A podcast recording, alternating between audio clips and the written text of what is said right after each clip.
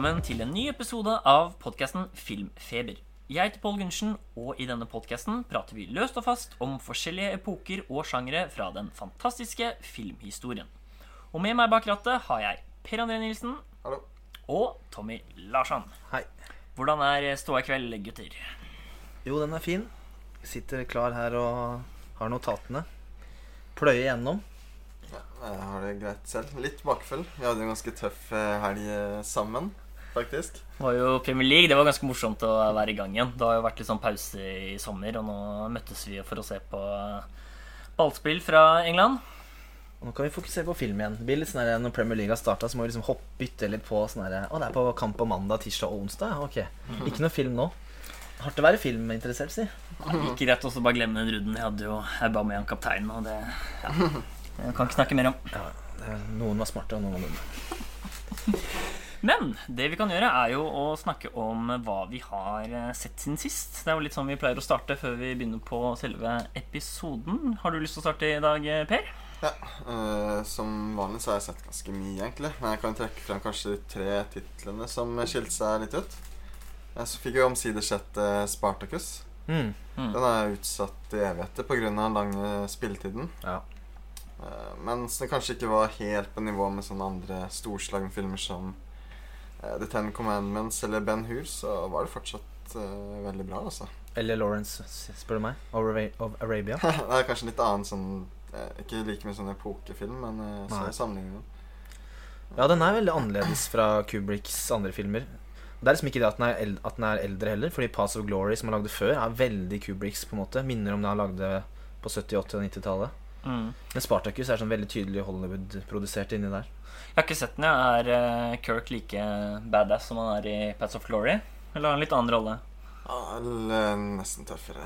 Oi, såpass, ja. Han er en veldig barsk, eh, Ja. Ja. barsk type. Så lenge siden jeg har sett den, så jeg husker ikke så mye, egentlig. Mm.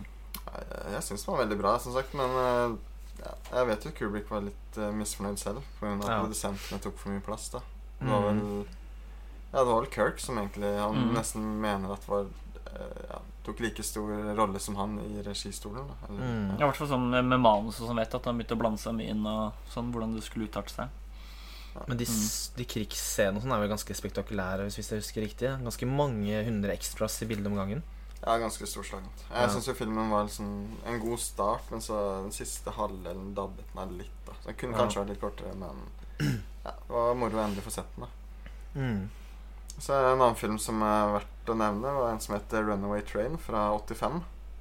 Hmm. Produsert av legendariske Cannes Films. Jeg vet ikke om du kjenner så godt til det selskapet? Nei, egentlig ikke. Mye Charles Bronson på 80-tallet. Okay, ja, det, sånn, ja. og ja, Det fins også en god dokumentar om den som kan anbefale. Men, eh, Ja. Om eh, selskapet. Men ja, dette var en thriller fra 80-tallet med John Voight i hovedrollen. Og basert på filmmanus av Kurosawa, faktisk. Oi, oi. Et eh, kammerspill på et tog. Men ikke, men ikke noe remake av en Kurosawa-film, liksom? Nei, jeg vet ikke hva som har skjedd, men uh, hvorfor han ikke lagde filmen selv, eh, det vet jeg helt talt ikke. Men Nei. det var veldig spennende og ja, bra driv, da. Mm. Mm. Og til, slutt, ut den. til slutt vil jeg kanskje nevne The Love Witch fra 2016. Som egentlig ikke hadde en så interessant historie, men som kanskje, og kanskje kunne vært en uh, halvtime kortere. Men uh, samtidig en veldig interessant film. Sånn eh, en veldig tydelig pastisj på 60- og tidlig 70-tallets horror. da Mm. med litt erotiske undertoner. Så Den er skutt på 35 mm med technicolor og helt utrolige kostymer. Og skuespillet var til og med litt sånn overdrevent. Og Mm. jeg har aldri sett en film som på en måte var så klar Eller et tilbakeblikk på den måten. At det, det er mange filmer som prøver å gjenskape en epoke, men kanskje ikke tar de tekniske grepene Mm. Fra, ja, fra periodene det skal forestille. da Så vi får det til å på en måte se ut som det er veldig fra den tiden nå, på en måte, i tillegg til liksom det estetiske. Ja, Hvis jeg aldri hadde hørt om filmen og bare fått sett den på TV, liksom, så hadde jeg trodd at det var en 60-70-tallsfilm. Det syns jeg er veldig interessant. Jeg har kun sett traileren, og den, det er nok den filmen som mest ser ut som den tida den etterligner.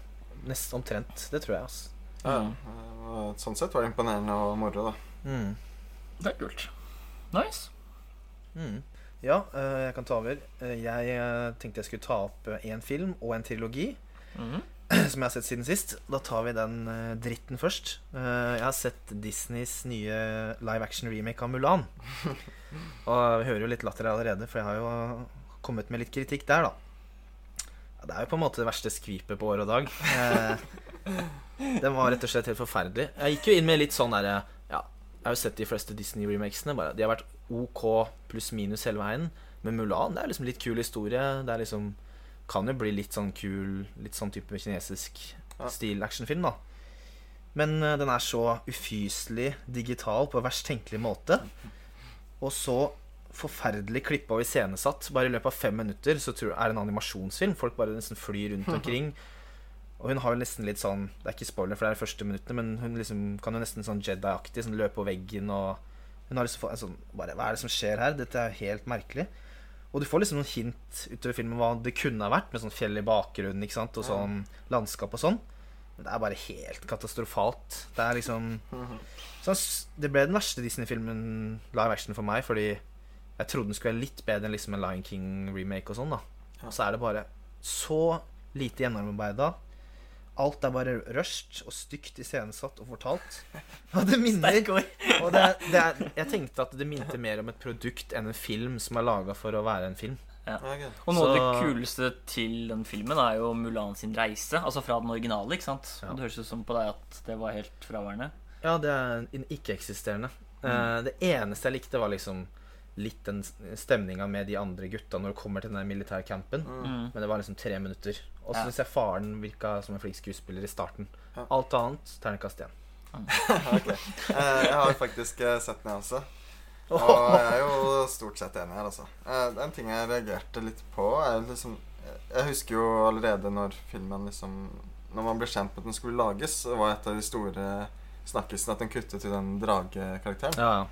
Og da tenkte jeg at ok, den går for en litt mer realistisk eh, vinkling, da. Men så er det, som du nevner, alt disse løper på veggene og trippelsaltoer og ja. det minner jo litt om prequels eh, i Star Wars, nesten effektene. Mm. ja og den, den, vektløst, den har 200 millioner budsjett, hvis jeg husker riktig. Oi.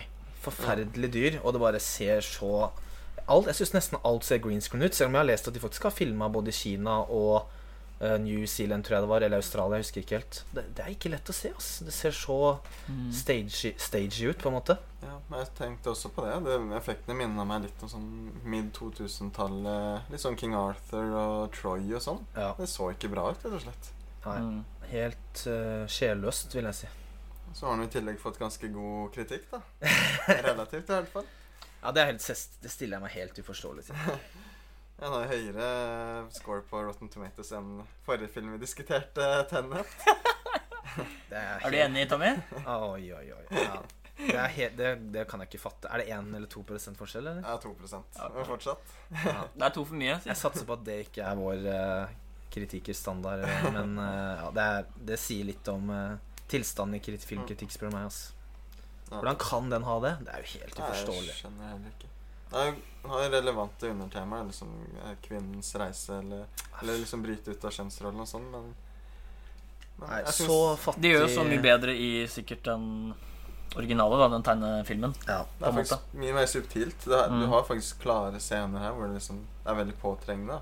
Mm. Men eh, ja, denne karakterreisen som nevntes da, er også litt problematisk. For åpningsscenen i filmen så viser hun jo at hun har eh, nærmest superkrefter. Ja. Ja. Mm. Så du får ikke den følelsen at hun eh, jobber seg oppover, men at hun er dyktig fra første sekund. Og da er det i siste sekund. Så det er liksom ikke noe reise sånn sett, da. Det blir vanskelig å identifisere seg med personen når det ikke er noe reise, egentlig. Ja. Så du har helt rett. Ass. Helt forferdelig. Ikke se den. Og så tenkte jeg bare kjapt nevne noe som er helt motsatt for meg. Fordi jeg ville gå så langt som å si at jeg elska eh, de, eller i hvert fall den, en av de. Og det er da Apu-trilogien av Satyajit Rai, indisk filmregissør. Tre filmer. Eh, Pater Panchali fra 1955. Og så, jeg vet ikke om jeg uttaler disse ordene riktig, bare som jeg har sagt. Eh, Apparaito fra 1956 og Apur Sansar fra 59. Eh, så ganske, på ganske kort tid laga òg. Eh, det er på en måte en trilogi om en eh, gutt, eh, også mann, da, i siste filmen, i India. Fra sånn, Først er vel på 1910-tallet, og så er det til 40, midten av 40-tallet i siste. Så jeg laga litt før, da.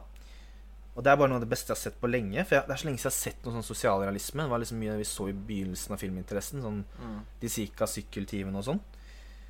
Så jeg tenkte ja, disse her er jo ganske anerkjente. Får ta en titt. Og ja. Jeg tror det er det beste jeg har sett i 2020. Såpass, ja. Eh, og det kommer jo fra det, bare sånn kort fortalt, så er det der, eh, det som heter New Indian Cinema, eller Parallel Cinema. Og det er på en måte akkurat som det man tenker som italiensk neuralisme, bare i India, da. Så det er de der standardtemaene med fattigdom og hverdagsliv, undertrykkelse og desperasjon og urettferdighet. Men det er på en måte ikke det som gjør at jeg sitter der og bare Det er det beste jeg har sett. Det er på en måte bare det hvordan det er laga. Det er så sterk regi, samtidig som det føles så ekstremt liksom, naturalistisk. Det er nesten Den første filmen er nesten som dokumentar, hvor de barna bare løper rundt. Minte meg faktisk litt om Florida Project. Ja, ja, ja. Mm. Og det er liksom proppfullt av sånne nydelige metaforer og symboler. da Uh, skal ikke gå inn på det, for det er liksom sånn Ikke at det er spoiler, men det, går, det er noen bilder som går gjennom filmene, som du ser utviklingen, og med Indias utvikling og, vest, og på en måte verden generelt, da, for den foregår jo over de åra hvor det skjedde ganske mye. Så det er bare den sterke regien og at alt virker så nat naturlig, samtidig som det er så bra laga. Så dette syns jeg dere bør se. ass Her snakker vi Den treeren her snakker vi topp 20 for min del. Oi, oi, oi. Ja. Lynnedslag. ja. Ja, eh, Så bedre enn Mulan. ja, jeg kjenner ganske godt den italienske neorealismen, men uh, disse tre filmene har jeg ikke sett, så ja, det skal jeg ta til meg. Gjort og bare, bare så det er sagt, så er ingen av dem spesielt lange heller. Den første er rett over to timer, men de nummer to og tre er under to timer. Ja. Mm. Så det Hva med deg, Pål? Ja, nei Det kan jo hende at dette blir en sånn running gag i podkasten her, men eh, nok en gang så må jeg jo ty til eh, Godzilla, som jeg nå jobber meg gjennom eh, kronologisk. Godzilla-podden. Ja, ja. Jeg har da kommet til eh, 1993, og det er da den fine tittelen Godzilla versus Mechagodzilla 2. Mm. Og den er faktisk blant de bedre. Og bare noe av det jeg må nevne, er jo at Godzilla ser jo nå helt rå ut. Det er noe, sånn- det er noe sånn peak Godzilla fra den perioden her, og fram til de kulminerer i Destroya, hvor han er på sitt mest badasse. Og det er én ting jeg må nevne, og det er blant annet disse totalbildene, som jeg syns er sykt bra i den filmen. Hvor det er altså folkemasser som løper i forgrunnen, skrått mot kamera. Og det kan være en, for en vakker bakgrunn, da, et eh, stort japansk tempel eller et eller annet sånt. Og så ser du Godzilla gå motsatt vei bak der igjen. Og ekstra bakgrunn med fjell.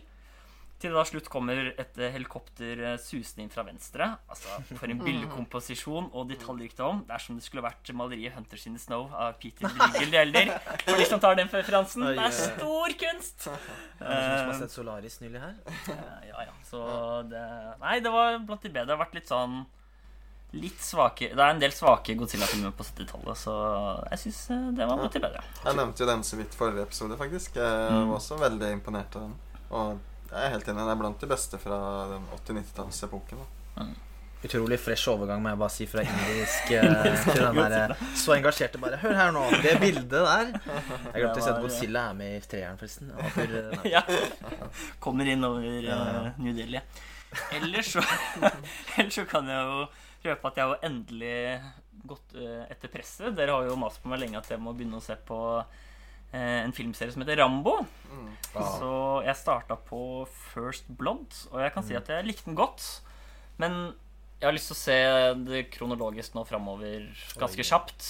Så jeg, jeg, tror, jeg tror jeg har lyst til å se alle, og så kan jeg heller komme tilbake til en senere podkast med det. Men jeg kan si at det var, var øh, liksom positivt ladet, da. Da må du bare vite at eh, det forandrer seg ganske kraftig fra film nummer to. Ja. Bare så det er sagt. Men uh, noen vil jo kanskje si rundt bordet her at det er en bra ting, og noen ikke. Ja, ja, min toeren er jo min favoritt. Så Ja, det blir spennende. nok- Kommer nok Det er ganske sjukehus å si. Nei, supert. Da har vi pratet litt om det vi har sett inn sist. Og da kan vi jo starte på det vi faktisk skal snakke om, som jeg nå kom på at vi faktisk ikke har nevnt allerede i podkasten. Men eh, vi skal jo altså snakke om eh, Michael Hanekes Kasjé, Mm. eller også Skjult, som eh, det er vel den norske tittelen. Mm. Og, men, men aller først, da, før vi begynner på selve filmen Kanskje vi skal bare snakke litt om vi har noe sånn forhold, eller om det er noen filmer vi liker med den godeste bestefaren Mikael Michael Haneke. Ja, eh, I tillegg til Caché, som vi skal prate om i dag, så har jeg sett eh, en håndfull filmer av uh, Haneke. Eh, de favorittene som jeg kanskje vil trekke frem, er La Pianist og Amour. Mm. Som i og for seg er to helt forskjellige filmer. da Ja. Ja, sant. Den eh, pianisten var jo ja, Den var litt sånn ekkel, egentlig, på noen sånn, i hvert fall noen sånn litt sånn eksplisitte scener som ikke er så vanlig. Føler han ikke kanskje ofte holder litt igjen, og kanskje ting skjer utafor kamera, da. Mens mm. du får litt sånn der nær, litt ekle nærbilder i den Okay, Jeg har ikke sett den, så det var litt interessant. jeg ble Mm. ikke, ikke sjokkert. Det høres litt, litt voldsomt ut, men eh, den er liksom litt uh, ubehagelig. Ganske pervers film. Ja, Mm. interessant. Må sjekke ut da. Mens uh, Amor er jo det motsatte. Det handler Ja. om to Mm. eh, døende pensjonister, omtrent. Ja, den er, den er ikke akkurat uh, livsglad eh, undertoner. Det så Nei. nedstemt som du får det, på en måte. Mm. Og veldig, li og veldig kjølig og, og lite sentimental i det den viser, på en måte. Ja. Det er ikke Spielberg som skrur på knottene der. I, eh, han kunne på en måte lage film om det, han òg, men det er liksom sånn Helt annen innfallsvinkel. ja. Og den går jo igjen i hele Ja, veldig sånn observerende, på en måte. Ikke Ja, det føler jeg går igjen. dramatiserer ikke mer enn det som, Nei. det som faktisk skjer, da. Det gjør at det føles naturlig når det er sånn. Mm. For jeg liker den så godt, egentlig. Eh, ja, kanskje det handler jo også veldig mye om sånn eh, lidelse, og jeg føler det er my ofte i filmene i hvert fall, er jo Ja. sånn Michael Haneke han liker å portrettere liksom folk som lider. Det er alltid sånn Mm. fæle ting i varierende grad da, som man på en måte utforsker og nærmest observerer. Ja, Det er sånn Mm. objektivt kamera som liksom observerer fæle ting som skjer med folk, på en måte, og bare ikke kommenterer på det nødvendigvis. Mm. Liksom du sa, Per, med Amor, at liksom bare Det som skjer, det skjer. da Det gjør det veldig naturalistisk, syns jeg. Jeg likte jo ganske godt den der eh, De hvite båndene. Jeg tror Mm. kanskje den er min favoritt. Der er han litt sånn historisk og svart-hvitt og tilbake til liksom tingene før første verdenskrig, da. Mm. Og den syns jeg hadde en del sånn interessant tematikk med liksom ting rundt ondskap og ja, hvordan det glir veldig inn i hans liksom filmografi, samtidig som den skiller seg litt ut med liksom at den er litt mer sånn Ikke episk, men Mm. veldig stort rollegalleri. Og det med at den er svart-hvitt. Og litt sånn Bergman-aktig, føler jeg. Mye sånn mm. jeg føler en liten sånn by liksom sånn landsbyaktig. Jeg syns for så vidt Amor også er ganske bergmansk. Men uh, Ja, samtidig som man egentlig ikke minner om han, for han er jo ikke teatralsk. Nei. Jeg vet ikke helt hvorfor jeg Kanskje litt mer ekstravagant. Ja, kanskje litt mer Mm. ekstravagant kamera, sånn mer fokus på det tekniske, kanskje. Jeg vet ikke. Mm. Det er i hvert fall litt sånn Litt annerledes enn i hvert fall sånn Benny Video og sånn. Det er mye mer sånn dokumentarisk, på en måte. Ja. Men i, i likhet med en del Bergman-filmer, så Amor kunne jo blitt utspilt på en scene. Det er Ja. Det, treng, det trenger nesten ikke filmmedie. Mm. Mm. Men så er det vel også den siste filmen. Den er vel bare du som har sett, Per. Og den har fått ganske dårlig kritikk, har jeg sett. For han er jo egentlig en av de mest sånn anerkjente sammen sånn, føler sånn, med von Trier, da. Av liksom de kontemporære filmskaperne, da. Men akkurat den fikk jo litt sånn lunken kritikk. Mm. Ja, eh, nå har jeg ikke sett den siden den var helt ny, så jeg begynner egentlig å få litt uh, vage minner. Men uh, jeg husker jeg var ordentlig skuffa. Altså, Ja, den hadde jo hadde faktisk noen små koblinger til Amor, da. Ja. Ja, det var filmen etter, var det ikke? Ja, men Ja. liksom også i historien. Ja. Det refererer litt. Og den gjør det. Er liksom Ikke, si ikke en oppfølger, men den har noen små referanser. Ta- Cinematic Universe. ja, det kan du si. Nye Og så er det Funny Games, da. Mest Ja. iko- ikoniske filmen hans. Og det, Det- er vel kanskje den jeg faktisk liker minst, tror jeg.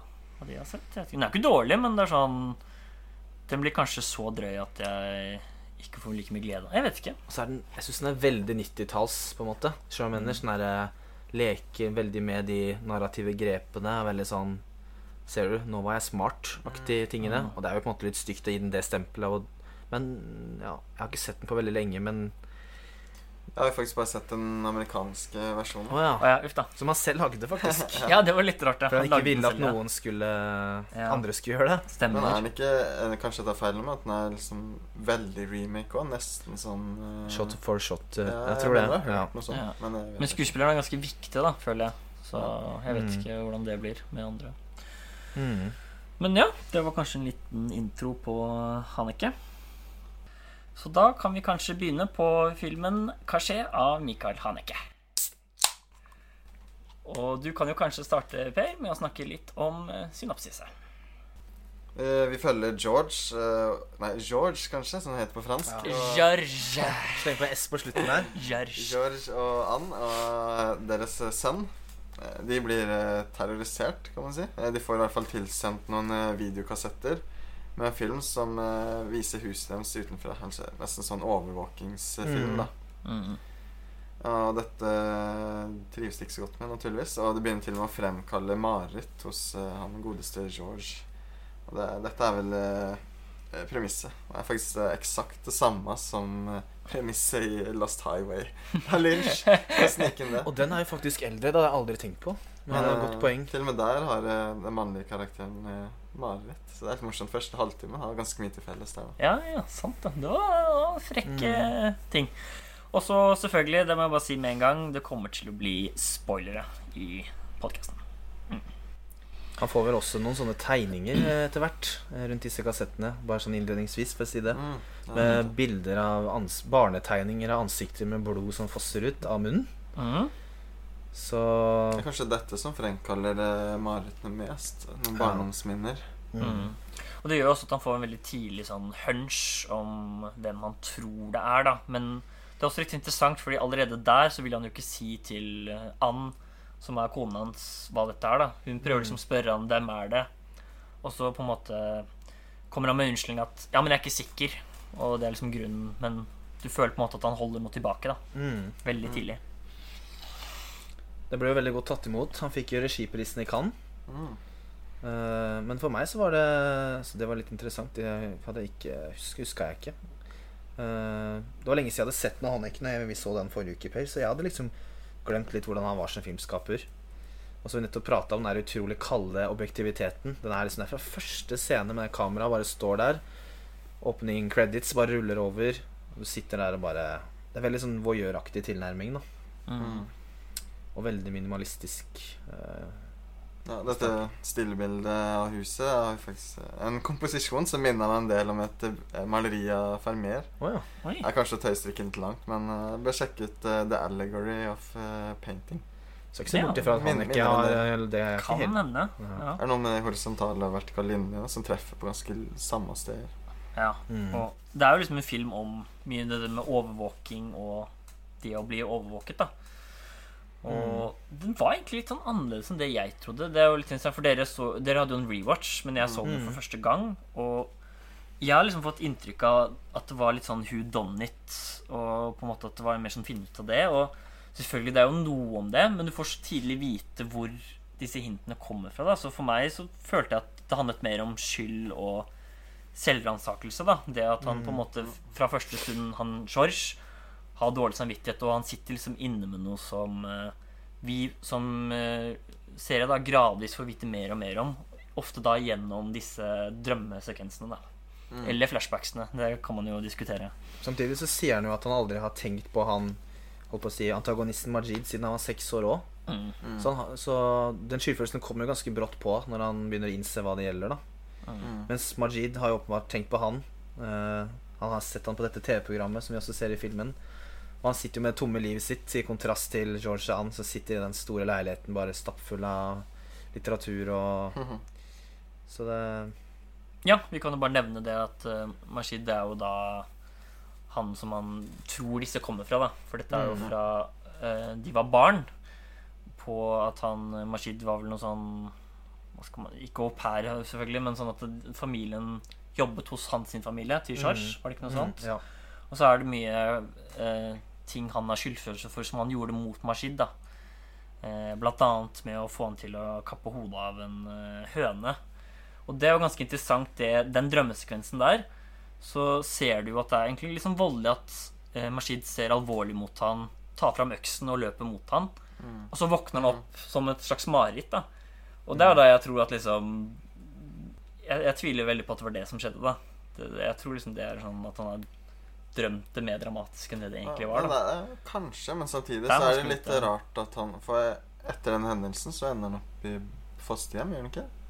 mm. Ba, ja, det var vel barnehjemmet. Ja, ja, ja. ja Så liksom- Så jeg syns jo det også er dramatisk på en annen måte. At han skal liksom bli kastet eh, ut av hjemmet sitt omtrent. Eller Mm. fordi han drepte en Ja. han eller hane. Men det var vel mer rundt det at han sa at han blødde blod ut av munnen fordi Ja, han hadde en eller annen sykdom.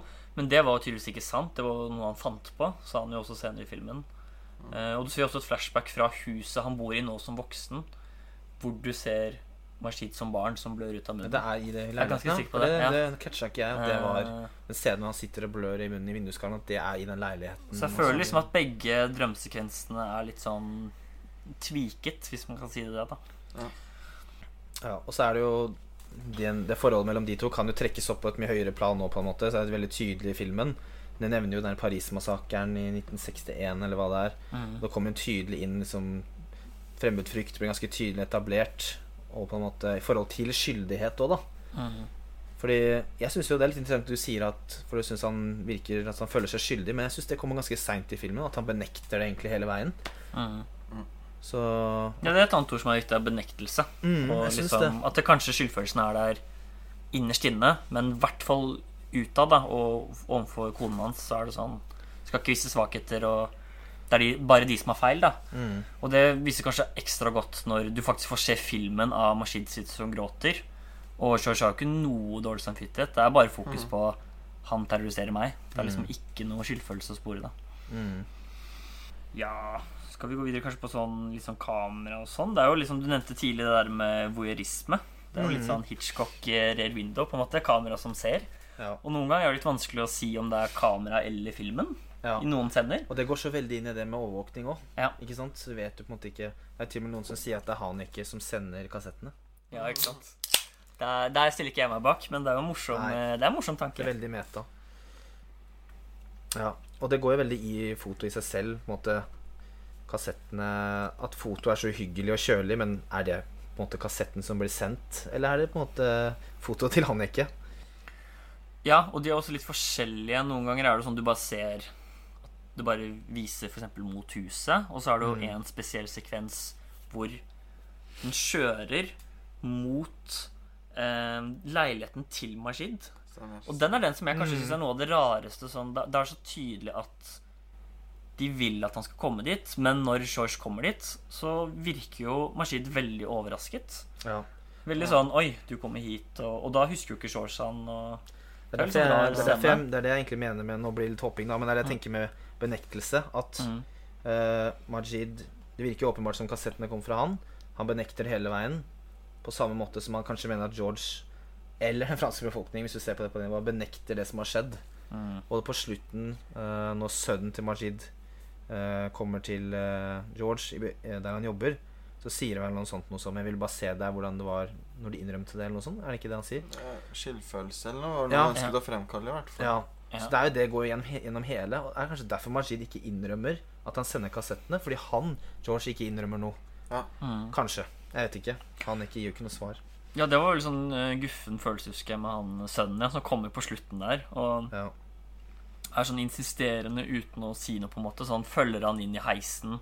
Ja. Lang scene uten at de ser noe. Bare tar heisen, folk Ja. går av på andre stopp og Behagelig. tar seg god tid av Ananikas. Og så er det sånn Begynner det rolig, og så ender det med at han går. Så tenker du ok, kanskje han slutter. Men så er det sånn Han går inn på kontoret, han sønnen, og roper. Og Altså ok, nå må vi gå på bakrommet og snakke videre, da. Så det er en sånn Der er- interessant scene. Der er jo kameraet på en måte litt sånn utenforstående og hele veien, og det bare er der og henger med. Sånn der eh, Nesten litt sånn ondsinna, på en måte, Mhm. føler jeg. Sånn hvis du skjønner. Samtidig som det er veldig digitalt, bare for å nevne det òg. Samtidig som det på en måte ikke Det passer veldig godt, syns jeg. da Jeg husker når vi starta Når vi så den forrige uke, så sa jeg jo sånn Oi, det er nesten litt sånn TV-serie. Eh, Mm. Uten at det er ment veldig stygt, for det tar ikke lang tid før man glemmer, at, glemmer det, liksom. Eller ikke, tenk, ikke Ja. tenker at det er TV-serieaktig. da Jeg skjønner hva du mener.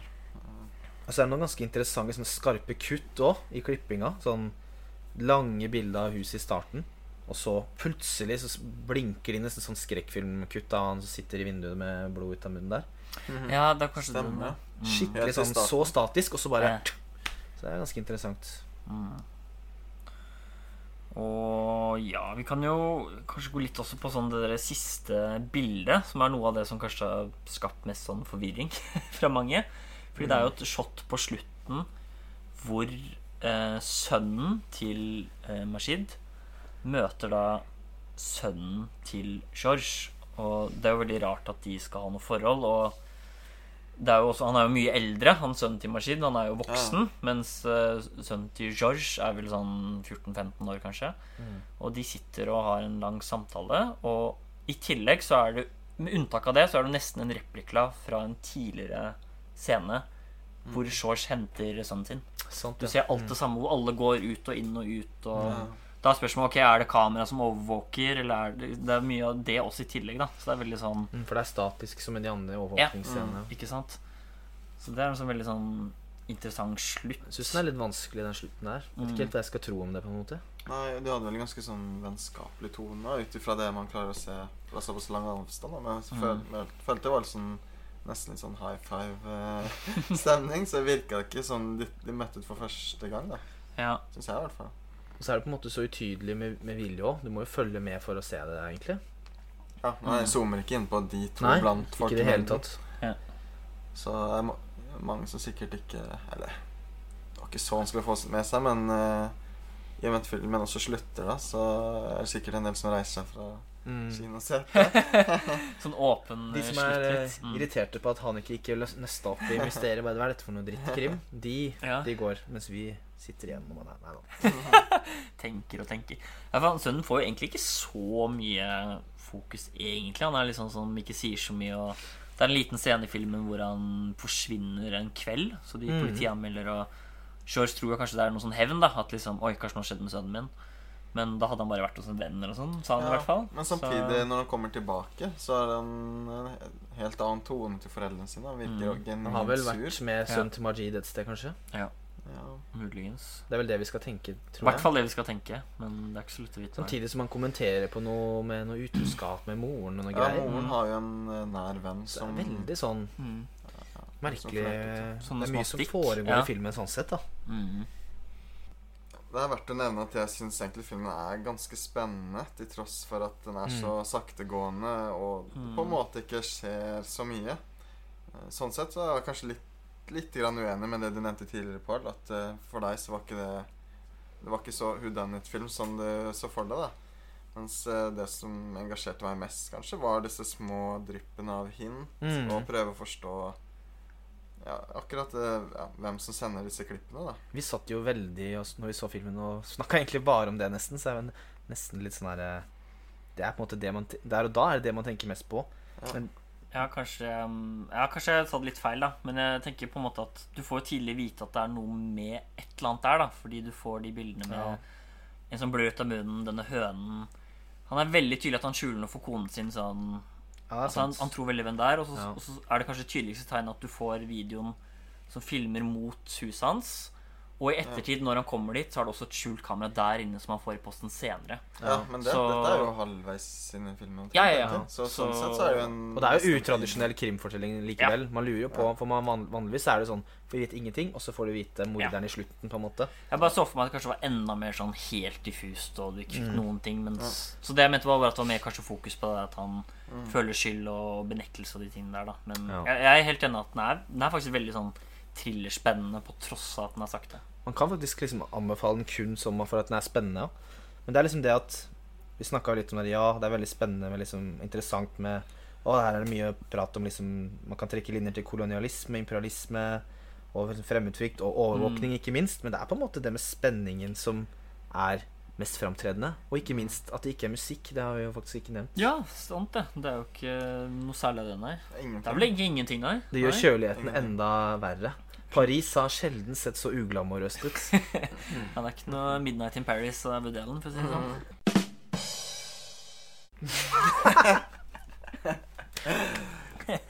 Nei, men vi kan vel kanskje oppsummere med at uh, alle likte den egentlig. Det var vel egentlig sånn Jeg tror Ja. Jeg liker den veldig godt. Ja. Jeg må ta en rewatch-runde med flere Hanneke-filmer, men ja, jeg kjente at jeg savna litt den stilen hans. Det er veldig rart å si, for det er ikke mye hyggelig å se på. Men Mm. det er på en måte veldig gjennomført og, og på en måte, ja, spennende hele veien, samtidig som det er alle disse interessante tingene som, man, som dukker opp. Så Mm. jeg syns det. Ja, Syns du også det, Per? eller? Ja, jeg skuffa ikke. Nei.